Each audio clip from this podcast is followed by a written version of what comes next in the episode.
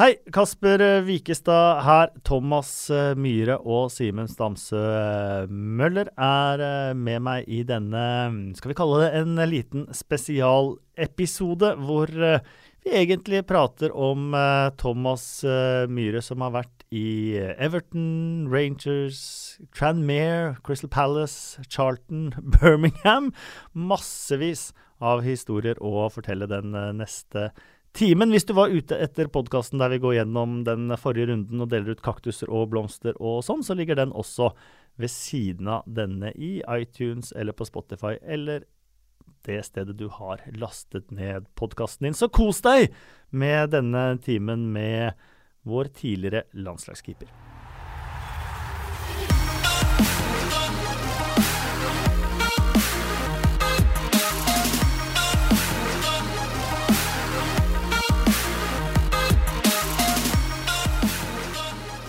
Vi går pent og rolig og fint over på del to. Vi var inne på det i starten, eh, Thomas. Eh, det er få nordmenn som har så mange engelske ligaklubber som deg. Og jeg gikk, gikk gjennom og titta litt på både de karrierene, den karrieren du har hatt, og på spillere du har spilt sammen med. Og ingen av de tingene er spesielt uh, snaue. og det begynte jo med et smell. Du kom altså til Everton under en av de mest legendariske managerne på Balløya. Jeg gikk bort i fjor, Howard Kendal. Eh, og du tok over etter en av de mest legendariske keeperne, Neville Southall. Ja, nei, det var eh, det var, eh, det var, noen sko å fylle det, for å si det mildt. Jeg, jeg drev og titta på når jeg kom over til, til Everton, adelskalenderen hos spillerne. Og da, da var det jo en kar som trona på topp med 750 kamper. Og nestemann på lista hadde 512. Brian LeBone, tror jeg det var. Så det er klart at uh, å komme inn der og uh, få lov til å ta over Det var jo en periode hvor Everton slet. Det lå fem poeng uh, opp til neste lag helt på bunnen av tabellen. Og Big Nev var vel på hell i sin karriere, så det var noen som skulle ta over. Og jeg fikk den æren å gjøre det. Og det, det var også første gangen Howard Kendall, som jeg tror brakte den til klubben i 1981, hadde hadde vraket Big Nev. Nå hadde han jo vært der i forskjellige perioder, ikke kontinuerlig som Everton-manager.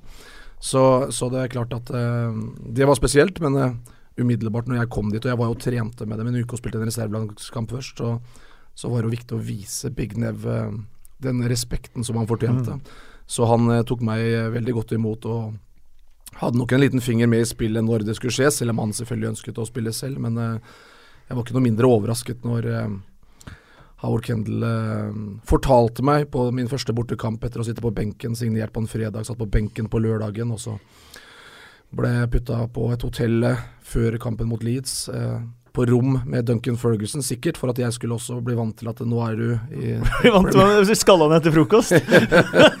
nå er du i Premier League, og, og, fikk jo beskjed om at jeg skulle spille, eller starte en time og et kvarter eh, før matchen mot Leeds på bortebane i bussen av, av Howard, og det det funka veldig bra, for da slapp jeg å tenke på dagen før at nå skal jeg få min guttedrøm i oppfyllelse med å få lov til å spille i Premier League. Så, eh, og lykkes å holde null i den kampen, eh, og vi spilte 0-0. Så, så eh, ja, det var, eh, det var en, eh, en, strålende opplevelse. Ellen Road, da? Ja. Ellen Road, og i et lag som slet, da, så, så med god hjelp av de andre, så, så klarte jeg å holde nullen tre kamper på rad. Så da fikk jeg på en måte den starten som uh, gjorde at jeg ble hjulpet frem også. Og da, ved å komme og erstatte en uh, legende som, uh, som Neville alltid vil være i Everton, så, så var det en, en forholdsvis myk overgang som gjorde at jeg fikk tillit hos fans og av, av spillere. Så det, det, var en god start for, for mitt støtte. Um, Howard Kendall, uh, for de som uh, kanskje er yngre enn uh, meg, så er det kanskje ikke et så kjent navn. Men han var altså en mann som gjorde Everton til ja, et av de største lagene på 80-tallet. De vant liga, de vant FA-cup.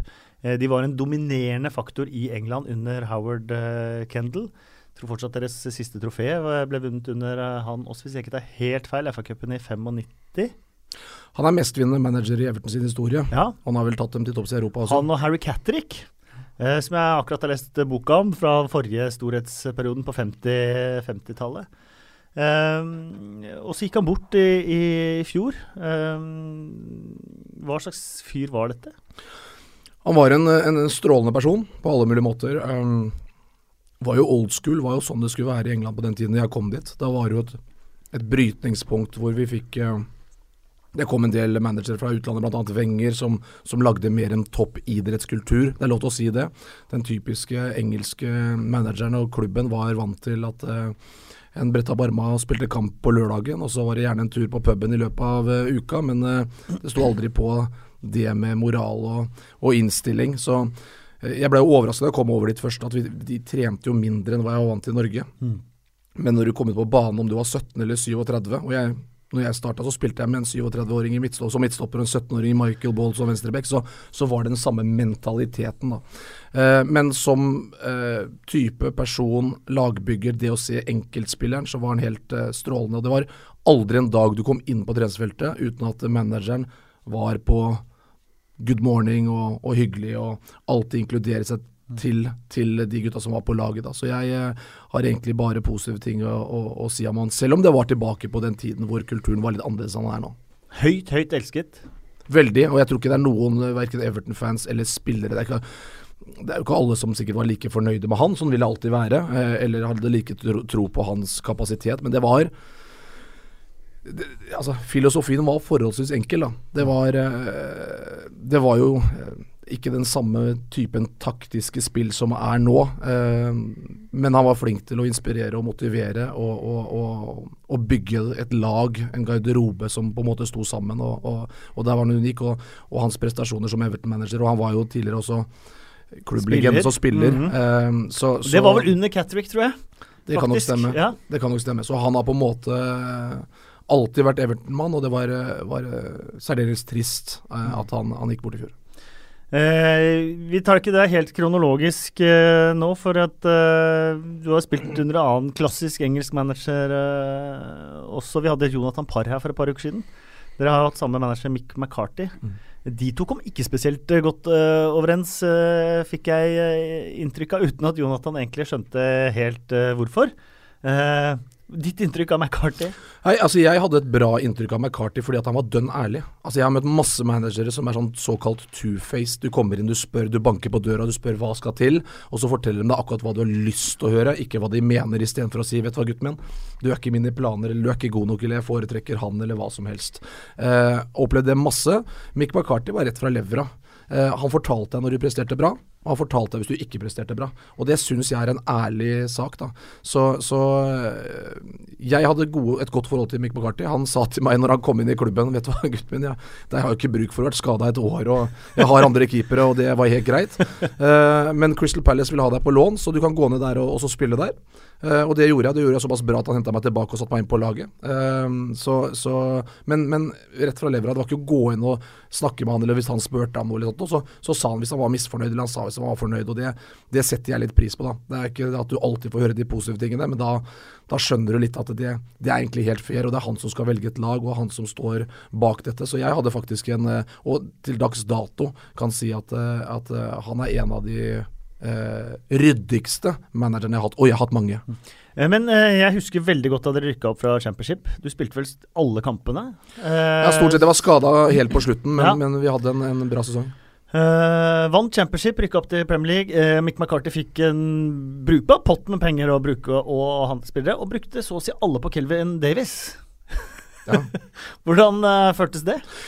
Nei, altså det er klart at uh, Jeg hadde hatt en episode med chairman i, i Sunderland i forkant av dette her. For når vi rykka ned, så, så, presterte han og Det var noen av oss da som tele, fikk telefoner om at vi, vi kunne gå gratis. Men, uh, men uh, når vi gikk, så kunne vi få lønna vår da. Og det er jo ikke lov å gjøre. Mm. Så det er klart at det er jo helt uaktuelt når du har en kontrakt med en klubb uansett. Så, så må du håndtere den på en ordentlig måte. Det syns ikke jeg han gjorde. Så vi, vi lå litt der. Så jeg, jeg var jo i forhandlinger med klubben på sommeren der, eh, før Davies blei ble kjøpt. Eh, Calvin Davies som hadde vært årets keeper i championship mm. det året. En god keeper.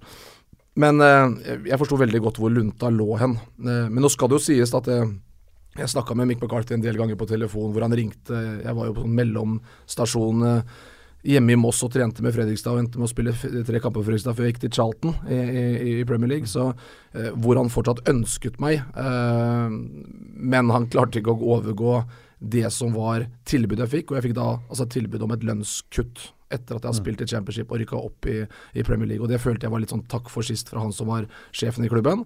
Uh, en, var det Ellis Short da? Hæ? Var det Ellis nei, Short nei, nei, nei, det var, jeg husker ikke navnet på han, men det var tidligere chairman før det, som, eh, som, håndterte det nedrykket på en fryktelig måte, uh, i mine øyne. Men, men, det er jo fair enough. Uh, til dags dato så kan ikke jeg klandre Mick McCarthy for å velge en annen keeper, og, og han har alltid vært dønn ærlig. og vi, vi, holdt på å diskutere fram og tilbake, men han hadde ikke myndighet til å til å gjøre noe mer. Og jeg, jeg, følte at signalet var såpass klart fra klubben, selv om han var manager, at det var på tide å tenke på noe annet. Everton-perioden hadde du snakka om at du hadde både en 18-åring og 37-åring i midtforsvaret. Jeg husker 37-åringen veldig godt. Det var Dave Watson. Eh, fantastisk eh, fin spiller. En av mine første helter fra Carrow Road-tiden. Eh, men eh, av alle fantastiske og interessante spillere, du må fortelle om Gasset. Du spilte, ja. med, spilte med Gassa i, i, Everton, altså. Ja, ja, og igjen Gassa verdens uh, hyggeligste gutt på alle mulige måter. Uh, trist å se hvordan ting har utviklet seg. Uh, hadde sine demoner, helt klart. hadde problemer både med enkelte i nettverket rundt og litt sånn familie. men fra å ha spilt med og sett den i aksjon, selv om han da på en måte var litt på hell av karrieren, når han fikk gleden tilbake av å spille fotball, når han var tørrlagt, når han var eh, trente før alle andre på morgenen, dominerte på treningene, var igjen på treningsfeltet og trente ekstra etterpå, og lå i vannskorpa med å spille på, på Everton. Uh, å se det, og se den gleden fra en så fantastisk spiller og en så fantastisk personlighet i garderoben. Uh, bare kun snill. Å se han få en skade, og så bare se at han gikk uh, rett i kjelleren. Eh, hvor eh, hans demoner kom fram, og, og han måtte på rehab i løpet av sommeren. var eh, var fælt å se. Så jeg har opplevd den på godt og vondt, men, men kan i utgangspunktet kun si gode ting om den. Eh, og for en spiller han var, altså på sitt eh, beste. Og det så aldri jeg tett innpå kroppen, annet enn på TV-skjermen. Men, men, selv på de treningene når han var, hadde trent lenge og, og, og var, var tørrlagt, så, så, så, var han eh, strålende å se på. Og, sånne spillere når du spiller five-side eller fire mot fire. Ikke sant? Det er jo, det er jo ikke sant? De, det er så lærdom også for unge spillere som kommer opp. da. Altså, og han var sånn. altså Han var ikke, var ikke noen nykker og, og, og, trente mer enn de andre som sagt, og var dønn seriøs når han var der. Men som sagt, jeg har sett den i gode dager og mindre gode dager. Han var en av mine største helter da jeg eh, vokste opp. Og jeg må si at eh, det er kanskje det største privilegiet jeg har fått etter at jeg begynte å jobbe i TV 2, var jo å være i Bergen eh, da han var i Premier League-studio en helg. Og eh, få stå utenfor eh, inngangen der eh, på TV 2 eh, da han tok eh, par-tre røyk med Det var han som røyka, ikke Erik Thorstvedt, men Erik Thorstvedt og han og jeg, og bare høre han fortelle historier. practical jokes var det jo en del av. Den ene han fortalte, fortalte da, var da Gordon Jury hadde kjøpt seg en ny Jaguar. Gordon Jury, lagkompis i Rangers, var det vel. Og han hadde da kjøpt to uh, fisk på fiskemarkedet uh, som han la inn i denne Jaguaren. Men grunnen til at han var to, fordi han mer utspekulerte enn de aller fleste. Han tenkte at når det begynner å lukte, så finner han jo en fisk. Uh, så den gjemte han sånn at det gikk an å finne fisken. Og tenkte 'yes, nå fant jeg fisken'. Uh, da er lukta ute av bilen. Men den andre sydde han inn i fòret i passasjersetet, så den skulle være umulig å finne. så Jaguaren til Gordon Jury var ødelagt av fiskelukt i løpet av noen uker. Men han må ha gjort noe på ja, ja, han har gjort masse, og jeg har hørt masse av historien til Erik. Han har tatt med seg strutser vet du, inn på treningsfeltet. Og han har, han har uh, brukt hanskene til Erik som eh, dopapir i forhold til Men ikke synlig. Og så oppi hanskene. Det er jo ikke noe pen historie heller. Og, ja, Han bæsja oppi keeperhanskene til Erik? Ja. ja, og Erik tok dem på seg, for han visste jo ikke noe om dette her. Og det var verdens morsomste sak. Ikke sant? Så, så, det er noen som dro, dro den litt ut, og, og, vi hadde våre episoder uh, De har jo Erik fortalt sjæl, i Everton også, og så er det Eh, det var jo practical jokes, og han er jo Så lenge du ikke tøyer strikken for langt. Jeg syns kanskje det kan være litt langt at du må kondemnere bilen for å ha sydd råtne fisk inn i setene. Men, men det, det, det, er jo spørsmålet hva, hvor langt er det drevet av motparten i forkant. Og jeg har hørt ting som liksom går litt over grensen, men det er klart at det, dette er jo en del å skape en uh, atmosfære i en garderobe som, uh, som, i utgangspunktet de fleste sånne practical joke er jo bare en, uh, en positiv greie. Så, så, har jeg ikke så veldig lyst til å gå inn på Jeg har jo noen historier, men det er ikke alle som egner seg på trykk. Eller i podkast. men, men, apropos karakterer, du hadde Gasset der, og så hadde du Abel Xavier. Eh, litt av en type, det. Og ikke minst Thomas Gravesen. Eh, han var vel litt sånn Gassa light i, i væremåte?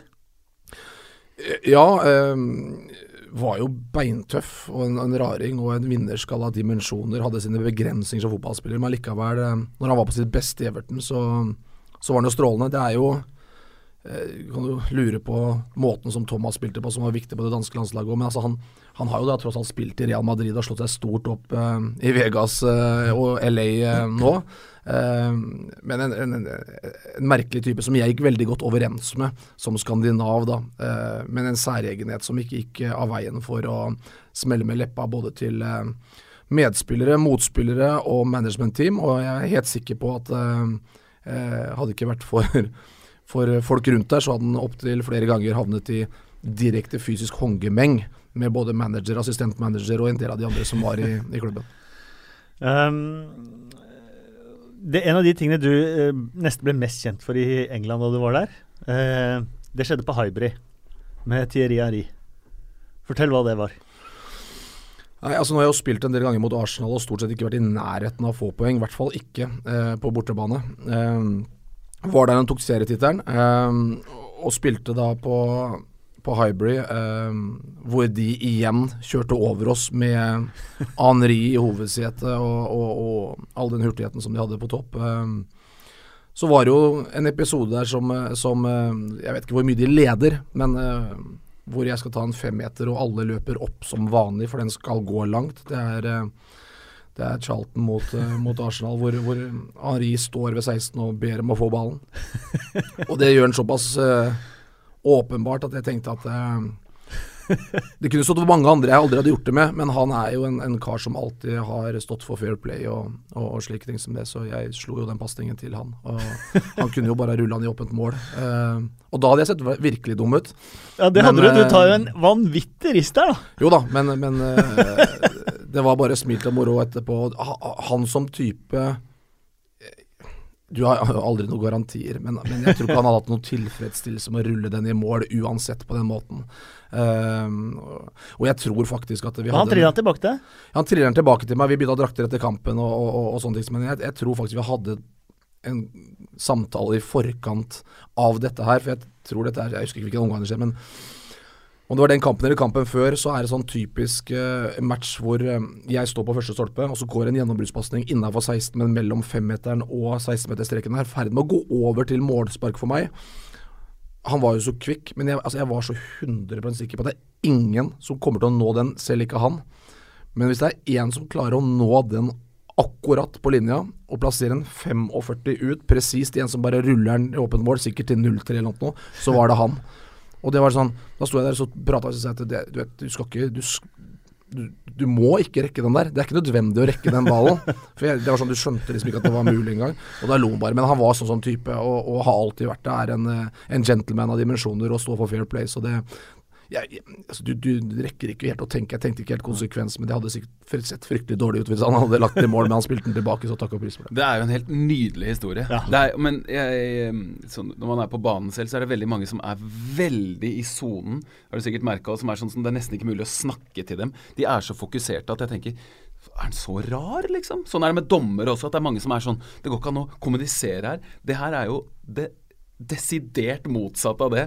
To spillere som bare bestemmer seg for Nei, shit, jeg bare gjør noe greier vi som i Premier League. Liksom. Nei, det er noe av den morsomste historien jeg har hørt fra en fotballbane, faktisk, på så høyt nivå.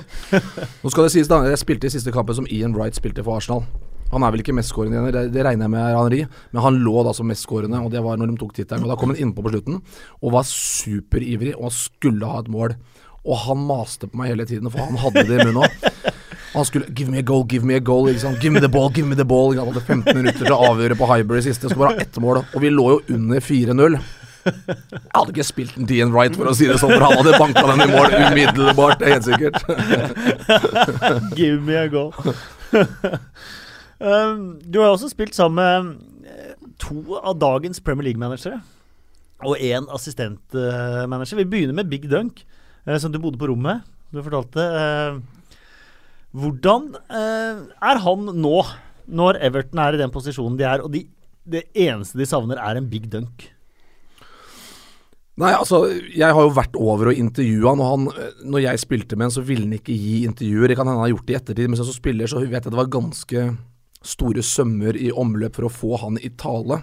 Uh, men men uh, han, han, det første han sa til meg, at uh, 'never go into management'. It was easy as a player. Så han, han har jo ikke vært manager enda da. Han mente det var fryktelig lange dager. Men, men, men Big Donk var jo en nydelig spiller å spille sammen med. Uh, fordi at han var uh, Han var jo en fighter som gikk foran. Uh, problemet vi hadde på den tida han spilte, var at vi ble for ensidige. Vi slo bare opp på han. uten tvil den beste angrepsspilleren jeg har sett i lufta. Altså i forhold til både å vinne oppspill, men foran kassa. Av hvor han slo keeper i hudueller når de hadde henda over og var en, var en, tøffing. Men var en veldig hyggelig og bra kar utafor. Ganske enkel, men allikevel sjenerøs. Um, hadde jo sin lidenskap på den siden som var duer. Altså Han hadde jo duer ved siden av fotballen og har opplevd litt uh, forskjellige ting. Vil alltid bli en legende. Han og Mike Tyson, ja. ja, ja. Tatoverte emblemet til Everton på skulderen. ikke sant? Og jeg husker den dagen han uh, forlot Everton, for da spilte jeg og gikk til uh, Newcastle mm. med, med Gullit. For den, da spilte vi kamp, og så blei overgangen i orden fordi at Everton trengte pengene. De fikk veldig mye penger for han. Han fikk en lønn som det er skrevet om i etterkant, men du så på hele han at han ville ikke forlate Everton. Og var i Newcastle en kort periode og spilte vel et par kamper mot Everton, og du så han hadde ikke lyst til å være på banen engang. Så, så en ordentlig Everton-gutt, og havna i utgangspunktet i unåde hos Moyes. Stakk og levde på Mallorca tror jeg tre år, kom tilbake, ba om unnskyldning og er nå i støtteapparatet. Det syns jeg det er fint. Hvis han kan være med og bidra til noen av de erfaringene som de unge spillerne Vi har jo Dave Unsworth, som jeg kjenner godt også, som er nå vært på sidelinja vært, uh, holdt på med akademiet. veldig bra akademi. Ja, veldig bra. Og du ser jo det på det siste VM-sluttspillet som de var inne hos. Det er masse unge spillere, mm. så de, de, driver på fornuftig måte og har skjønt at det, eh, sånn må de gjøre for å konkurrere, samtidig som de nå har fått nye eiere og har mer økonomiske muskler. Men, men uh, det var jo en ilddåp, da. Ikke bare å debutere mot Leeds på bortebane på den tiden. Så da hadde ikke Everton tatt poeng, eller vunnet der siden 53. Men at jeg ble plassert på rommet Kanskje den største rebellen på laget var også var, var en ilddåp. Men, men, jeg har møtt den i etterkant og prata sammen, og han er uh, verdens hyggeligste kar. Og så tror jeg han kan hjelpe unge spillere med å få litt av den mentaliteten som, som må ligge til grunn for at du skal lykkes. Jeg minner altså om for de som er uh, igjen litt yngre enn Thomas og meg, at Big Duncan Ferguson er faktisk en av få som har blitt satt i fengsel og fått en dom for noe han har gjort på fotballbanen i match. Han skalla jo ned en motstander han spilte for uh, Rangers og fikk tre måneder for den. Og hvem sendte han uh, brev da? Vet du det? Nei. Wayne Rooney. Nei. Jo, Wayne Rooney sendte Oi. brev til Duncan Ferguson. I fengsel? Han satt i fengsel. Mm. Det fant jeg ut da jeg var i Jeg var og besøkte i, oppe i uh, Toxteth? Kroksteth Croxteth, tror jeg. Toxteth er der hvor Fowler er fra. Og da fikk jeg vite det at uh, Rooney sendte brev til, uh, Fergie, til Big Dunk da han satt i fengsel. Det jeg husker fra det, er at en av de første kampene han spilte etter at han slapp ut, med det stempelet han hadde, og eh, ikke minst han sitter i fengsel for noe han gjorde på banen, møtte han Chelsea. Uh, og han er borte på, bort på Dave Bessent. Eh, og Erland Johnsen kommer og brekker han ned. og sitter halvveis oppå Ferguson og gir han pekefingeren i ansiktet at 'hold denne keeperen vår'. Erland Johnsen var tøff i gang òg. Ja, han har jeg hatt som trener. Det kan jeg skrive under på. Men det er jo sånn med Duncan også, når han totalt forlot jo i utgangspunktet i sitt hode Skottland. Uh, ut fra det som skjedde. Det skjedde jo når han var spiller i Rangers, og så mm. dro han til Everton. Han måtte bort fra skotsk fotball og spilte aldri på skotske landslaget, og følte rett og slett at han blei uh, Uh, av det skotske fotballforbundet i forbindelse med saken ble ikke støttet. da, Så han fikk jo en sivil dom mm. for noe som hadde sett på fotballbanen. Det skulle jo selvfølgelig aldri ha skjedd, og så kan vi diskutere om, om fengselsstraff var riktig på det. Men, men det gjorde at han takket farvel, i hvert fall til det skotske fotballforbundet for alltid. Mm. Um, Slaven Bilic uh, hadde du foran deg der. også en mann som er under press for kritikk. er ofte i hvert fall hvis du sammenligner med mange andre managere, ærlig.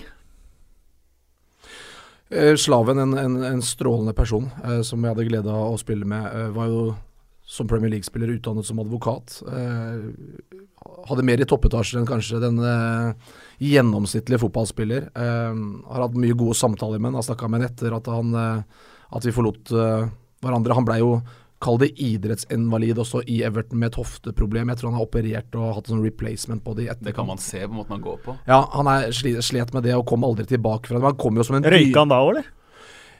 Ja. Han, er jo fra Kroatia, det var jo ikke så uvanlig det.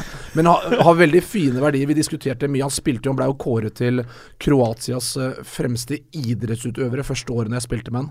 Og da hadde du liksom uh, Det var vel det året hvor de i utgangspunktet de hadde kommet på tredjeplass i Det var vel Europamesterskapet, hvis ikke jeg Ja. Mm. Og de var, en sånn, de var en sånn gjeng på det der kroatiske landslaget hvor de hadde en seks-syv sånne virkelig stjernespillere som spilte ute.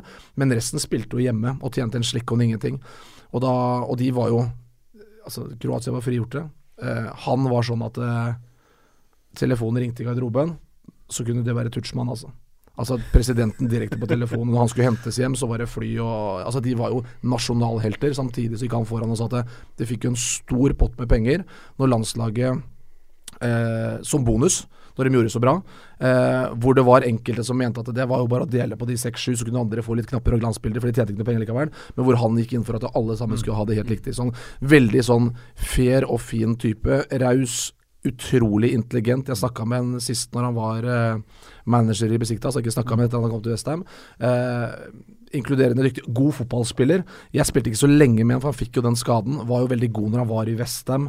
Eh, blei jo Overgangen tror jeg var han var verdens dyreste. Og så rett etterpå så var det vel Henning Berg som blei den dyreste forsvarsspilleren som hadde gått for noen 50-60 millioner, som er knapt nok for en nummer 33 i stallen på ja, et av de mindre lagene nå, så pengene var annerledes. Men, men eh, strålende kar som har hatt en fantastisk managerkarriere, også både som landslagssjef eh, i Besikta, som er min gamle klubb, og i Westham nå. Men selvfølgelig er under press eh, av de to herrer som eier klubben, og som jeg også har uh, spilt under i Birmingham, I Birmingham når, de, ja. når, de, var eiere der. Han ene har slått seg fram på ting som ikke vi kan si på Jo, vi kan lufta. si at det var nakne damer. Ja, og, og, den andre, så, så, så, Ja, nei, jeg har ja, Jeg kjenner litt til det, men, men uh, Slaven, en, en, strålende kar som som jeg overhodet ikke er overrasket over ble manager. Eh, kan si En liten kuriositet i forhold til hva vi snakket om i stad, om Duncan Ferguson var jo mm. en av favorittspillerne til Ole Gunnar. Ole Gunnar var på vei til Everton en periode når han ikke fikk tillit til United. Nå endte jo Ole Gunnar opp med en fantastisk karriere og, og lojal og disse tingene, men det var et tidspunkt hvor han var på glid, og jeg var litt sånn imellom klubbene. Og det som frista han mest, selv om det aldri ble noe av, eh, var jo det å kunne spille på topp med Duncan Ferguson. Tenk deg da! Det hadde vært spissparty. Komplett. I hvert fall på den tida. Bedre enn Carol og Chicharito. det er sant. Uh, men, og tenk deg Thomas Myhre bak Bilic og Materazzi.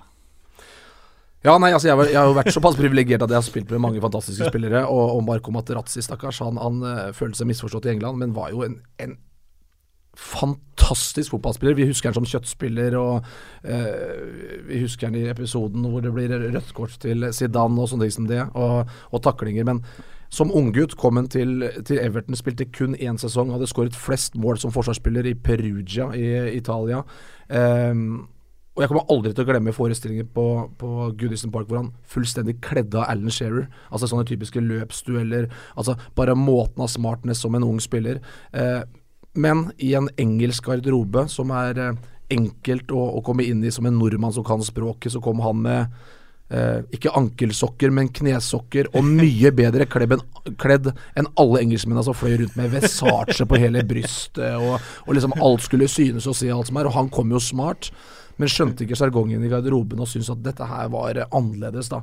Så etter ett år så, så, ønsket han seg tilbake. Men en fantastisk erfaring. Vi har møtt hverandre med, med landslaget og prata med hverandre i etterkant, men, men jeg har vært heldig og privilegert som har fått lov til å spille med nede med disse. Jeg syns det er ganske interessant det du sier med at, med at han kommer inn på den tiden. Jeg føler ikke at det er så lenge siden du spilte. Han kommer inn, og det var helt annerledes. Jeg mener jo at det du sier nå, må jo være normalen i dag, hvor det kommer spillere som fra en helt annen kultur, og det er en sånn ekstrem smeltedigel av kulturer i disse Premier League-garderobene. Jeg, jeg, jeg, lurer på, Kan du si noe om Hvordan ser du på utviklinga uh, på den måten? Altså spillerne. Du, du sier at uh, da man kom til Da man, da man begynte, så var det veldig engelsk og med kulturen og sånn. Nå er det jo maskiner, liksom. Ja, og når du kommer inn nå, så er det vel nesten for noen av toppklubbene så er det nesten overraskende dersom du kommer fra de britiske øyer. Men, men når jeg kom til, til Everton, så pga. språket, pga. Uh, at vi har en såpass nærhet, da, så er det det å komme inn i den garderobekulturen fungerte ganske greit. Og da var det på slutten av liksom, sånn som engelsk fotball var tidligere, old school. Men jeg opplevde etter hvert så kom det flere og flere fra andre kulturer inn, eh, og det ble ganske vanskelig. Eh, og jeg merka det også. Jeg var jo vant til at eh, å komme fra Viking, kom det nye spillere der, så sørget vi for å ønske dem velkommen. Vi sørget for at de ja, fikk seg et framkomstmiddel gjennom klubben, telefon, leilighet. Her var det på hotell, eh, og liksom det var ikke noe sånn apparat i klubben. Det blei det jo. og eh, Bill Elleby, som fortsatt er det i Everton, han ble jo ansatt den gangen da. Og så begynte å komme nye spillere fra andre kulturer. Fra Nord-Afrika, fra Frankrike, fra Italia og sånn. Liksom. Og det var en prøvelse, det. For engelskmennene var utrolig, eller de på de britiske, om du var ire eller skotte eller waliser eller engelskmann, helt annen sjargong over hvordan dette her ble drevet. Så jeg tror ikke Everton var den enkleste klubben å komme inn i på den tiden, for den var veldig, veldig britisk. Men Tror du det har noe å si for at engelsk fotball er litt fortsatt ligger litt etter uh, og trenger impulser fra kontinentet for å utvikles? I det siste så har jo managerne Det er jo ikke britiske managere lenger i, i topp europeisk fotball. tror du det fortsatt bremser litt, at kulturen er si primitiv? da? Ja, den er jo Altså, engelskmenn bor på denne øya her og aldri blitt invadert. Og de har jo den derre 'vi oppfant fotballen' og 'vi vet best'. Den ligger litt i bakgrunnen, da. Det er mange ting som er veldig Jeg elsker jo den engelske kulturen. Jeg har vært så heldig å være der borte. Men samtidig så så jeg også når jeg kom dit at det var, det var en del som en del ting som var gammeldagse. Eh, og så kommer Wenger inn, og så kommer de utenlandske eh, inn som, som, tenker på ok, alle skal inn til frokost, de skal ha restitusjon, de skal ha et medisinsk apparat, de skal ha mat hvile, søvn altså Alle disse tingene her ligger som en 24-timersutøver, som det må være nå, fordi at det krever så utrolig mye mer nå av en fotballspiller enn det gjorde når jeg, når jeg uh, spilte i utlandet. Da. Uh, den blei gradvis forsterket i forhold til hva du måtte gjøre. Så jeg tror den innflytelsen var positiv. Og så er det jo litt sånn skremmende at den er så klar for øyeblikket. For at de klubbene som har britiske managere er jo typisk West Brom med Tony Pulis. Du har Sparky, Mark Hughes med Stoke. Det er jo de klubbene som jeg, jeg, føler har utviklet seg. De har klart å ta for så vidt en del av stegene, men likevel så står de litt for den der britiske uh, die hard attituden, som kanskje ikke er like kontinental som en del av de andre toppklubbene som har utenlandske managere. Du spilte med Marcus, du? Jeg gjorde det. Ja? spesielt var i samme garderobe som han. Vi var spillere og lagkamerater, og han var samtidig walisisk landslagssjef, som vi hadde i kvaliken. så det er mye rare ting som skjer, altså. Men det var helt på slutten. Men, men uh, uh, gentleman. Uh, temperament. jeg er jo ikke høy. Jeg husker når han spilte i United og var fantastisk møtende spiss. Mm. og det Holde på kula foran boksen når han kom inn vant mye på hodet. Samtidig, nå er jeg ganske høy da på 1,92, ganske liten, men, men ikke sant Eh, smart, ikke overraska at han er blitt manager. Eh, morsomt å ha i garderoben, selv om det ikke var for så lang tid. da Men, eh, men blei da henta inn på, til Everton helt på slutten av karrieren. Så det, sånn var det. Ja, og apropos uh, manager, du har spilt sammen med Jimmy Floyd Hasselbank, som har tatt over Northampton. Fått det veldig tøft i Northampton. Og, uh, og Chris Powell, uh, også kjent, kjent manager. Der er egentlig selv jeg med jevne mellomrom så kommer det klippet eh, mellom Watford og Leicester fra, fra playoff-semifinalen. Der eh, Leicester kunne gå til finalen hvis uh, hadde Ertald scora på straffen. Han brenner straffen. og dette er på godt inn i overtiden, og Watford kontrer, skårer. Eh, Pitcher Da hadde jeg dratt to minutter tidligere. jeg måtte rekke fly. Det var blytungt å, å høre på radioen. Men da var jeg oppe i Sky-studio sammen med Chris Powell og Peter Beagrey. Og Utafor der var det en slags sånn trebro som vi var ute og så matchen, rett over Leicester-supporterne, bortesvingen. Og de begynner å synge vet du, 'One Chris Powell, there's only one Chris Powell', og han vinker ned og sånt noe. Uh, og så ser de Peter Beagrey, som da står ved siden av. Chris Powell og Beagrey og, og meg. Og, og har ikke så populær lester. Er Peter Beagrey, what a wanker, what a wanker. Og han vinker litt ned og sånt noe. Så blir de stille, og så ser jeg at alle ser på hverandre. Og så titter de liksom sånn opp, og så ser de på meg, da. Og bare Who are you? Who are you? du klarte ikke å plassere det? Jeg klarte ikke å plassere meg. Nei, men det, altså, det er fast, jeg, jeg, har jo da um, spilt med ganske mye spillere. Jeg har også spilt med Peter Beagley. Ja. Eh, faktisk på lån fra Bradford til. Everton, fordi at han var jo en sånn som Howard Kendall likte. Eller han var fra Sheffield United og, og, og mm. Bradford, eh, og kjenner jo Biggs eh, ganske ok. Chris Powell spilte jeg med i Charlton.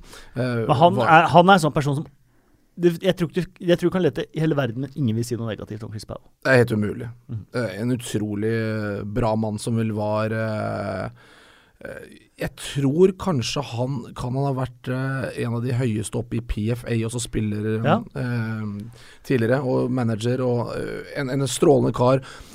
Fikk landskamper for England mens jeg spilte sammen, faktisk. Um, tvers igjennom profesjonell på alle mulige måter. Oppegående i hodet og alltid, alltid hyggelig. Så, så, det var ingenting å si på.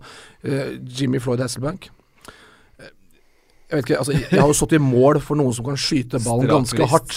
uh, vi hadde Kjell Olåsson i Moss i sin tid som skjøt fryktinngytende. Men altså, Jimmy Floyd Hasselbank, når han fikk klink på trening på den ballen, altså da snakker vi om, om krutt, altså. Det var, uh, det var, ikke bare bare å få den mot seg, det gjorde til tider vondt. Ja, Måtte du være litt forsiktig med fingrene dine sånne dager før kamp? Eller to dager før kamp? Altså, mine fingre er Alle er ødelagte, det er jo ingenting å si på det. Så, så jeg, måtte, jeg, jeg, teipa rett og slett hendene mine innenfor hanskene som en bokser, og det måtte jeg gjøre, for alt var, var røket. Og, og, og, takk og pris var de teipet når jeg prøvde å lange ut etter skudd fra Jimmy Floyd Eisberg.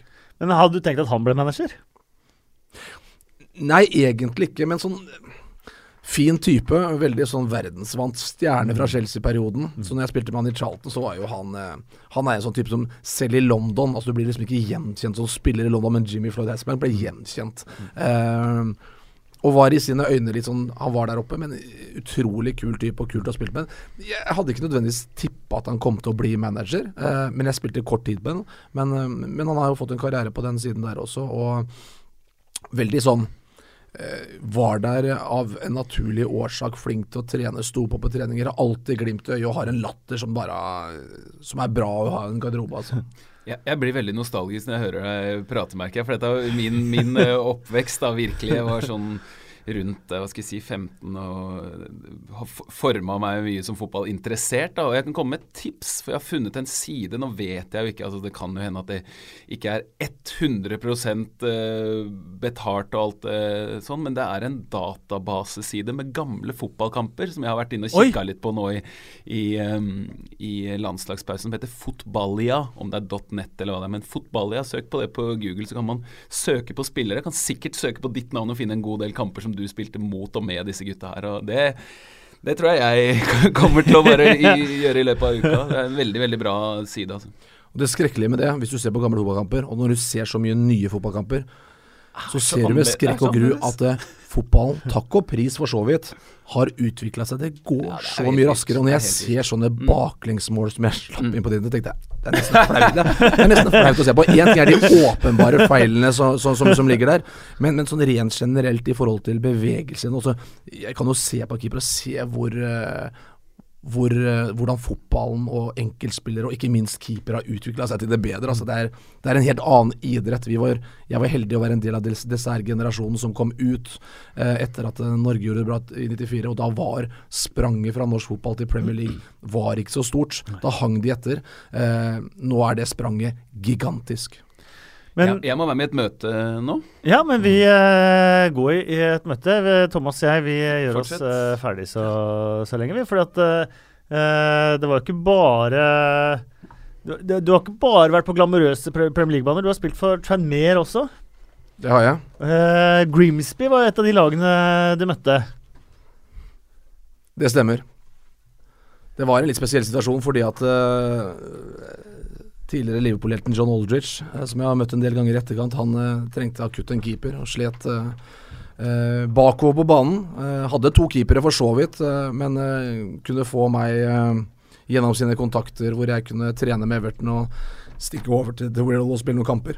Og jeg trengte å spille kamper for å holde posisjon i landslaget og det som var, og det, det var kort, kort reisevei. Uh, stor forskjell på å komme fra Premier League til Tranmere, som da uh, var på nedre halvdel i, i, championship i forhold til fasiliteter og Prenton Park. Men det var championship? Ja, det var championship. Ja, ja det var det. Uh, og, og, mye gamle, kjente spillere. Paul Rideout spilte mm. der, blant annet. Uh, spilte med, med, Clint Hill, var, ja. som fikk en god karriere etterpå. så, så, og de keeperne som var, altså han som jeg han mente var, de var helt svekket for selvtillit. Det var en som heter Joe Murphy, som har spilt for Irland. Mm. og John Achterberg, som er keepertrener nå for Liverpool. Um, så, så, kom over dit og spilte tre kamper um, før jeg ble kalt tilbake. Um, spilte mot Blackburn som hadde rykket ned. Uh, spilte mot Fulham som rykket opp da, som var med Tigana i, i setet mm. og, og Louis Saha. Og møtte da Grimsby på Prenton Park i Uh, den eneste seieren jeg hadde på tre kamper. Jeg hadde én uart mot Blackburn. Uh, Tapte mot Fulham borte på, på Craven Cottage. Og så, møtte vi Grimsby da på hjemmebane. Grimsby slet fryktelig. Uh, hadde da en Knut Anders Fostervold på bekken på lån. og, en, og, en, og, en, ung spiss som jeg var usikker på hvem var, men som var den beste spilleren på Grimsby. Det så jeg jo hele tiden når jeg sto bak der. som kom bort til meg etter kampen og presenterte seg, eller skulle snakke med meg og snakka dansk. Det var David Nilsen. David Nilsen. det er fantastiske minner, da. Ja, ja, ja det, det, er sånn som det er morsomt å, å uh, gå tilbake på. Jeg, jeg, husker også at vi Det var hele fem Grimsby-supportere bak målet mitt i andre omgang. Og de, de skrek så mye nedlatende ord som er mulig, og det kan du høre når det er ganske glissent på Prenton ja, ja. Park. Eh, men du må jo bare ta tommelen opp og glise. Og det var ikke måte på vannslang av, av, av eh, eh, obskure meldinger. Men når kampen var ferdig, så klappa jeg til dem, og da var, da var de toms opp. Da var det ikke måte på. Det er sånn det er litt der borte, ikke sant. Det er litt kult. Eh, men, men eh, Nei, Grimsby Jeg tror Knut Anders brakk nesa i kampen i en eller annen duell og måtte ut tidlig. så men en kuriositet. Jeg har spilt mot uh, flere lag som da Og for lag som da ikke er i det profesjonelle ligasystemet for øyeblikket. Eh, apropos eh, brekt eh, nesa og sånt nå. Eh, fikk jo veldig morsom historie fra, fra Jonathan Parr om eh, slåssing i spillertunnelen. Eh, spillertunnelen på Goodison Park er jo blant de trangeste. var det mye sånn på din tid? Ja, det var en god del. Uh, jeg, jeg, det var ikke så mange kameraer da, ikke sant. Uh, så, og etter hvert så Eller det var jo en del kameraer, men, men det blei jo en viss enighet hvis det var uh, ja, en dårlig stemning, og spesielt på enkeltspillere. For det er, jo, det er jo ikke fryktelig mange, men det er enkeltspillere som har det genet i seg at de skal gjøre opp uansett. Mm. og da var det, da var det peking mot mot det å gå inn til pause eh, eller etter kampen. Så jeg, jeg, har sett en del scener, men som regel så kommer det folk imellom. Så det har ikke blitt sånn kjempesykt. Men eh, ja, jeg har opplevd det flere ganger. Jeg har også opplevd det i egen garderobe. Så det, det er, eh, der har gått noen både noen bøtter og noen støvler og noen folk som har blitt slengt over massasjebenker. Og om det ikke har gått rake knyttnever, så, så, har det vel vært mer folk som har hindra at det har skjedd, ved at man har skjønt at her kommer det til å skje ting. og Stort sett mellom spillere, men det, det har også gått mellom uh, har vel aldri sett managere, men assistentmanagere og spillere har også skjedd uh, ting som ikke nødvendigvis bør, bør, være det mest Ja, hva man skal snakke for høyt om. Ja, Par fortalte om Ian Holloway som gikk, gikk foran i en slåsskamp i spillertunnelen i, i Crystal Palace. Jeg blir jo nysgjerrig her, da. Ja, ja, det, og det forstår jeg. Og jeg har jo spilt med en del gutter som er vant til å ta for seg. Altså, når du debuterer i England og spiller med Big Dunk, så er jo han et ynda objekt for enkelte andre bråkemaker, og så var jo han kjent som en bråkemaker selv, og i hvert fall ikke eh, ja, legge noe imellom. Så det er klart at eh, jeg har opplevd opptil flere som, som, som, har eh, på en måte stått først i køen. Som regel så blir det mye prating og døtting og knuffing og uten at det blir eh, noen ordentlige saker og ting. Men eh, folk skjønner jo av vakter og andre som kanskje tenker at dette her er best å, å, å bryte opp i. Det, og det, det, har stort sett blitt eh, brutt opp. Jeg er jo en av de som har spilt football manager uh, mye. Og to av de spillerne som, som virkelig skulle uh, bli noe, uh, spilte jo du med. Han ene debuterte på engelsk landslaget sammen med Wayne Rooney. Eh, det ble hans eneste landskamp, men som Rooney så skåra han i sin landslagsdebut mot Australia. Francis Jeffers, og han er vel tilbake i klubben, eh, klubben nå med noe akademi og noe greier. Og Danny Kadamarteri. Eh, to spillere som man trodde skulle få helt andre karrierer enn det de har fått. Og for noen er dette gamle og kjære navn fra stortalenter i, i Premier League. Ja, nei, og Det triste med det er jo den typiske gamle historien. ikke sant? Eh, når jeg kom bort dit, så, så var fotballen fortsatt arbeiderklassen. Eh, vi kan diskutere hvor mye toppnivået er i arbeiderklassen lenger, men, men eh, unge gutter som lykkes tidlig, eh, men som da fikk ganske gode kontrakter, og så gikk det litt i hodet deres, og så hadde de kanskje ikke den bakgrunnen som tilsatte her er det viktig å holde dem nede, og så var kanskje ikke det apparatet eh, tilstedeværende i klubbene til å holde dem nede. Så det er jo eh, mange aspekter som gjorde det. Franny Jeffers var eh, på langt nær den skarpeste kniven i skuffen, det er lov å si det, men, men i fotballbevegelser på banen som 17-åring så var han helt enorm. Eh, trente med oss, kom opp fra han var 16. Eh, helt naturlig og fortjent at han fikk spille på laget. Eh, får seg agent og slike ting som det. Eh, konkurrerer med Kevin Campbell og Duncan Ferguson. Mm. Og velger da å gå til streik for han ikke har samme betalinga som de. Så da, da, da, da, setter jeg det litt sånn derre Ok. Um, og han tjente godt, altså. Mm. For å være 17 år gammel. Eh, ja, de to eh, høystlønnede spillerne, største profilene vi hadde, han tjente ikke like godt som dem, men han var 17 år gammel. Og det viser jo litt det spillet som var litt i kulissene også, hvor, mm. eh, hvor agenter gjorde sitt. Og det, det medførte en, en, en, dårlig stemning. Og han endte jo med å bli solgt, jeg tror det var 10 millioner pund til Arsenal mm. i sin tid, som var en veldig høy sum. Eh, og, og, og, kunne selvfølgelig hatt en langt mer lovende karriere. Fikk jo også en stor ankelskade som gjorde at han kanskje ikke hadde den samme snerten, men hadde det naturlig å bevege seg inne i boksen når innleggene kom, med motsatte bevegelser, bryte foran, ta første bakerste stolpe, snert i steget, gode avslutningsegenskaper. Eh, nesten utrolig eh, at han var så Han var ekstremt fotballsmart. Eh, når du da eh, ble kjent med litt utafor banen, hvor han kanskje ikke var eh, Hadde den samme kapasiteten av smartness, da. Mm. Så hadde jo Danny Karamatri som Han spilte jo for inntil bare et par år siden, faktisk. Ja, ja. Opp og ned i eh, ligasystemet. Super, super eh, hyggelig gutt, og som på en måte brøt igjennom rett før jeg kom dit, hvor han skåra vinnermålet mot Liverpool i Mercyside Derby, og blei liksom med rastaflettene sine en stor stjerne. Det hadde gått i hodet på meg òg, det, da. Jo da, jo da. Og, og du blei jo fort stjerne i, i, i, i, byen, da, for, en, for, de blå. Uh, klarte vi ikke helt å håndtere det, han heller. Fikk en omflakkende karriere. Var i Bradford, var i sikkert en hel haug andre klubber. Hadde noen uheldige omtaler som skjedde utenfor, men, men husker han som en veldig hyggelig og positiv eh, gutt, som på en måte stoppet, bremset litt i, i, i utviklingen hadde ikke det samme potensialet som Franny Jeffers hadde. Mm. Uh, for han kunne nådd virkelig langt, men, men, hadde jo hurtigheten og den der eksplosiviteten som, som var der. Men, men, problemet blir av og til når en, når en spiller, og så får de litt suksess, og så kommer agenter, og så får de ny mm. kontrakt, mm. og, så, og, så, blir de veldig ja, av og til litt høye på seg selv. Mm. Um, vi begynner å nærme oss uh, slutten, men vi må prate om noe av det tristeste som har skjedd i engelsk fotball uh, på mange, mange år. Gary Speed, som du spilte med, snakker om mennesker som ingen har noe negativt å si om noe sted, samme hvor, uh, hvor hardt du, du, leter. Han gikk jo bort da for noen år, noen år siden, han og var walisisk landslagssjef da. Men hva slags menneske var han eh, da du ble kjent med han? Eh, den komplette gentleman. Mm. Eh, kaptein i Everton da jeg kom dit. Første som møtte min nåværende kone i Players Lounge og mm. reiste seg opp og gikk bort og ønsket velkommen og presenterte seg og tok meg bort og skulle hilse på andre folk som var rundt deg, bare for å ønske deg velkommen. Kom rett bort til meg og presenterte seg i garderoben som, som den typen han var, og som han alltid bli huska som. Eh, selvfølgelig utrolig trist. Eh, en type som var tvers igjennom profesjonell. Eh, havna i eh, på kant med manageren, selv om han var kaptein faktisk for Everton på den tiden.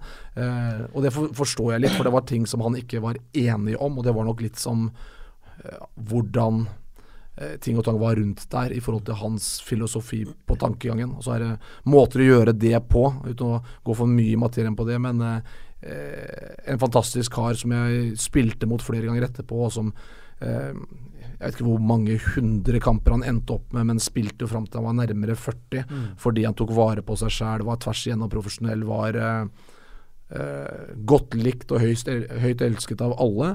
Og så skjer jo det tragiske. Eh, og jeg var jo ikke i nærheten av å vite hva som lå bak der når jeg spilte sammen med han, men som alle andre, har kun positive ting å si. Eh, og syns bare at det er trist for hele fotballfamilien at det skjedde som det gjorde. Og så må jeg huske, på, huske tilbake på alt det han leverte for de forskjellige klubbene på banen, og da også som manager i etterkant. Eh, så, så eh, jeg deler din oppfatning av det. Jeg tror jeg deler den oppfatningen med 100% av fotballfamilien. Det er noe med mennesker som uansett hvilken klubb de er, så drar de fra den klubben som legende. Og du har vært i ganske mange klubber, og alle klubbene han har vært i, føler at Gary Speed var deres egen?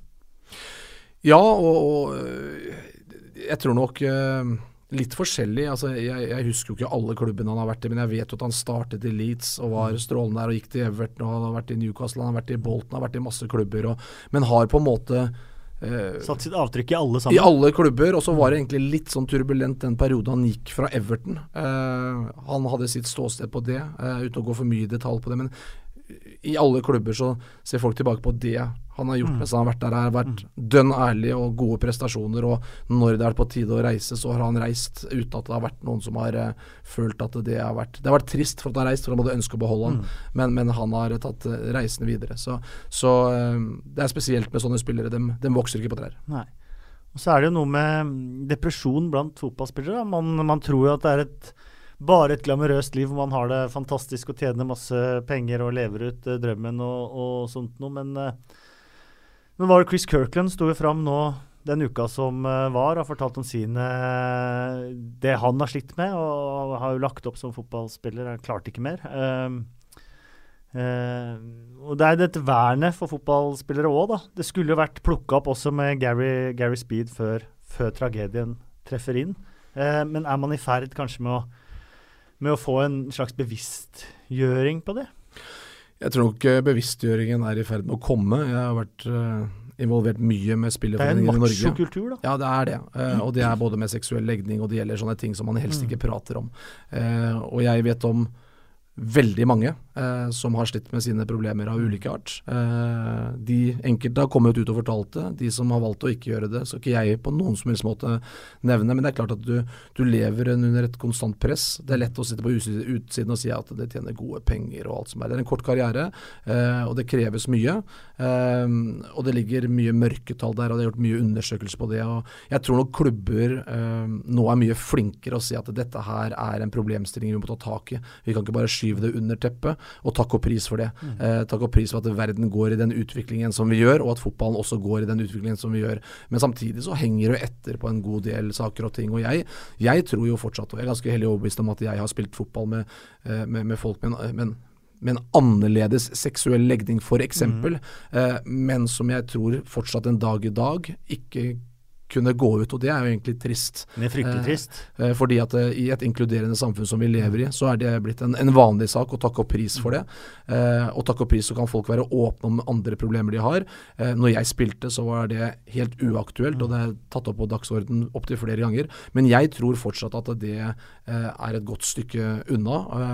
det er trist, men jeg tror jeg skjønner uten at det er riktig, mm. eh, noe av årsakene mm. ved at jeg har vært såpass inne på, på den kulturen. Og, og, og, den er på enkelte områder ganske gammeldags, selv om det i bakgrunnen og i klubbene, tett innpå klubbene i forhold til de andre problemene, at de er flinkere til å prøve å se det og ta tak i det. Så, så er det fortsatt en lang vei å gå i, i, i fotballen for å være like inkluderende som vi er i ellers i samfunnet. Ikke mann deg opp, men prat om det isteden. Det er uh, kanskje lurt for, ja. for mange. Ja. Uh, Gary Speed var en fantastisk fotballspiller og en fantastisk uh, person. Nå har jeg aldri møtt ham, men det har du, og det var hyggelig å høre. Thomas, det har vært fantastisk å, å ha deg her. Eh, ja, det har vært utrolig bra. Tusen takk for at du kunne komme. Takk det samme. Og takk til deg som hørte på. Uh, gå gjerne inn på mm, iTunes sett inn eh, eh, Kom inn med din karakter eh, eller eh, kommentar der. Det er alltid hyggelig å lese. Og takk til eh, Felix, som har eh, sittet og styrt eh, teknikken eh, for moderne media gjennom eh, Ja, det har blitt et par timer. takk for nå. Håper du har kost deg den eh, siste timen med Thomas eh, Myhre. Og hvis du ikke har hørt eh, den podkasten der vi går gjennom den eh, forrige runden og deler ut koktuser og blomster og fun facts og det ene med det andre, så ligger den også det stedet du eh, laster ned eh, podkaster. Takk for nå, og håper du har kost deg.